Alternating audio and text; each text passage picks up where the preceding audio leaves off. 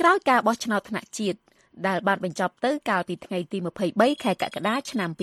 2023ដោយមិនមានវត្តមានរបស់គណៈបកប្រឆាំងដោយចម្បងក្រុមសមាជិកសភាអាស៊ានសម្រាប់សិទ្ធិមនុស្សមជ្ឈដ្ឋានក្នុងតំបន់និងមជ្ឈដ្ឋានអន្តរជាតិបានរិះគន់ការបោះឆ្នោតនៅកម្ពុជា ថាជាការបោះឆ្នោតដែលមិនមានភាពសេរីនិងយុត្តិធម៌លោកសុកខេមរានៃ VOA ពីរដ្ឋធានី Washington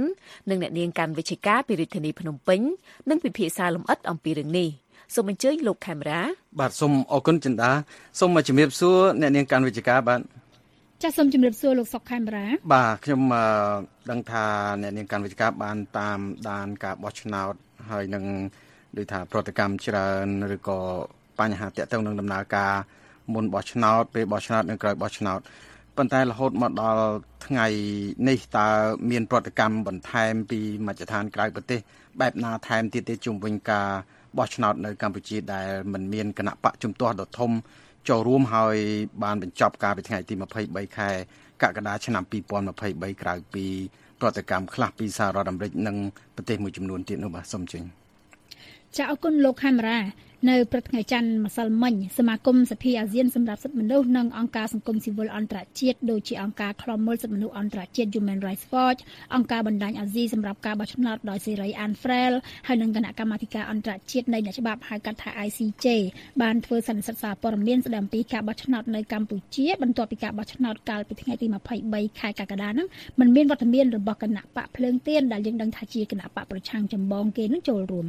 ពួកគេទាំងអស់នោះគឺបានលើកឡើងដោយបានថ្កោលទោសការបោះឆ្នោតនៅកម្ពុជាដែលមិនមានគណៈបកប្រឆាំងនឹងថាជាការបោះឆ្នោតដែលមិនមានភាពស្របច្បាប់ដោយថារដ្ឋាភិបាលរបស់លោកហ៊ុនសែនបានរាយប្រហារឥតឈប់ឈរលើសង្គមស៊ីវិលគណៈបកប្រឆាំងនិងប្រព័ន្ធផ្សព្វផ្សាយនៅមុនការបោះឆ្នោតហើយឃើញថាពួកគេក៏បានលើកឡើងផងដែរថាកាលពីការបោះឆ្នោតកាលពីថ្ងៃទី23ខែកក្កដាឆ្នាំ2023នោះគឺពួកគេអាចបានដាក់អ្នកសង្កេតការដើម្បីឃ្លាំមើលការបោះឆ្នោតនេះទេដោយពួកគេថាពួកគេមិនគ្រប់គ្រងឲ្យការបោះឆ្នោតនោះក្លាយជាការបោះឆ្នោតដោយស្របច្បាប់ទើបបានពួកគេមិនបានដាក់អ្នកសង្កេតការណ៍ហ្នឹងដើម្បីមកឃ្លាំមើលការបោះឆ្នោតហ្នឹង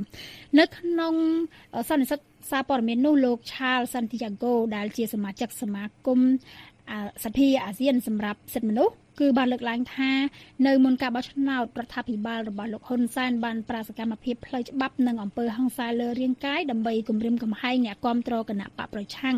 និងគម្រាមប្រជាពលរដ្ឋកម្ពុជានឹងមិនឲ្យទៅបោះឆ្នោតព្រមទាំងបានបិទប្រព័ន្ធផ្សព្វផ្សាយឯករាជ្យចុងក្រោយសំទោសនឹងគម្រាមប្រជាពលរដ្ឋនឹងឲ្យទៅបោះឆ្នោតហើយព្រមទាំងបានបិទប្រព័ន្ធផ្សព្វផ្សាយឯករាជ្យចុងក្រោយនៅកម្ពុជាដែលសំដៅទៅលើវិទ្យុ VOD និងហាមឃាត់គណៈបកប្រឆាំងតែមួយគត់ដែលគាត់គឺសំដៅទៅលើគណៈបកភ្លើងទៀននឹងថាមិនឲ្យចូលរួមការបោះឆ្នោតចំណុចឯអ្នកស្រីច័ន្ទដានីវតាវ៉ាឡា ដែលគាត់ជានាយិកាប្រតិបត្តិអង្គការ Anfrel ហ្នឹងគឺបានលើកឡើងថាការបោះឆ្នោតបែបប្រជាធិបតេយ្យគឺតែងតែមាននៅការគោរពតាមគោលការណ៍ចំនួន5គឺគោរពតាមគោលការណ៍ច្បាប់ការគ្មានការរើសអើងគណៈបកនយោបាយនិងប្រព័ន្ធផ្សព្វផ្សាយការមានស្ថាប័នរៀបចំការបោះឆ្នោតដោយឯករាជ្យការចូលរួមពីប្រជាពលរដ្ឋដោយសេរីនិងយុត្តិធម៌នៅក្នុងការបោះឆ្នោតដោយ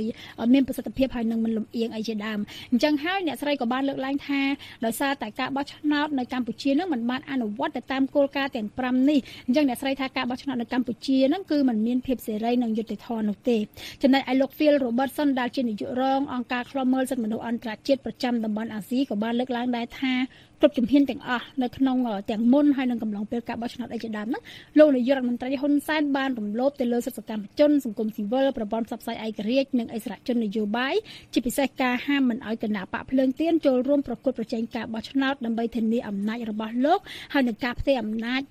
ទៅឲ្យកូនប្រុសរបស់លោកគឺលោកហ៊ុនម៉ាណែតចា៎ បាទសូមអរគុណកញ្ញាកាន់វិជ្ជា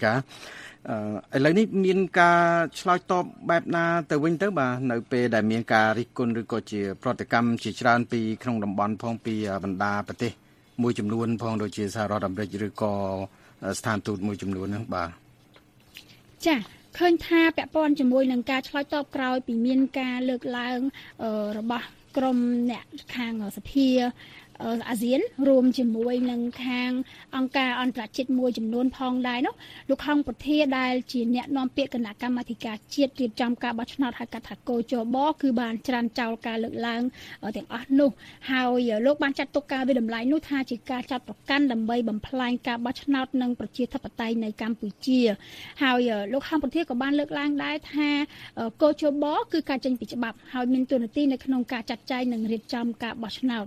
ចំណែកឯលោកសុកអេសានដែលជាសមាជិកព្រឹទ្ធសភាហើយក៏ជាអ្នកនាំពាក្យគណៈបកប្រជាជនកម្ពុជាដែលជាគណៈបកកាន់អំណាចហ្នឹងក៏បានច្រានចោលផងដែរទៅលើការវាតម្លៃនិងការថ្កោលទោសរបស់អង្គការអន្តរជាតិរួមជាមួយនឹងខាងសភាអាស៊ានអីជាដើមដោយបានលើកឡើងថាការវាតម្លៃរបស់ខាងសមាជិកសភាអាស៊ានរួមជាមួយនឹងអង្គការអន្តរជាតិជាដើមនោះគឺមានភាពលំអៀងនិងមិនអាចយកជាការបាន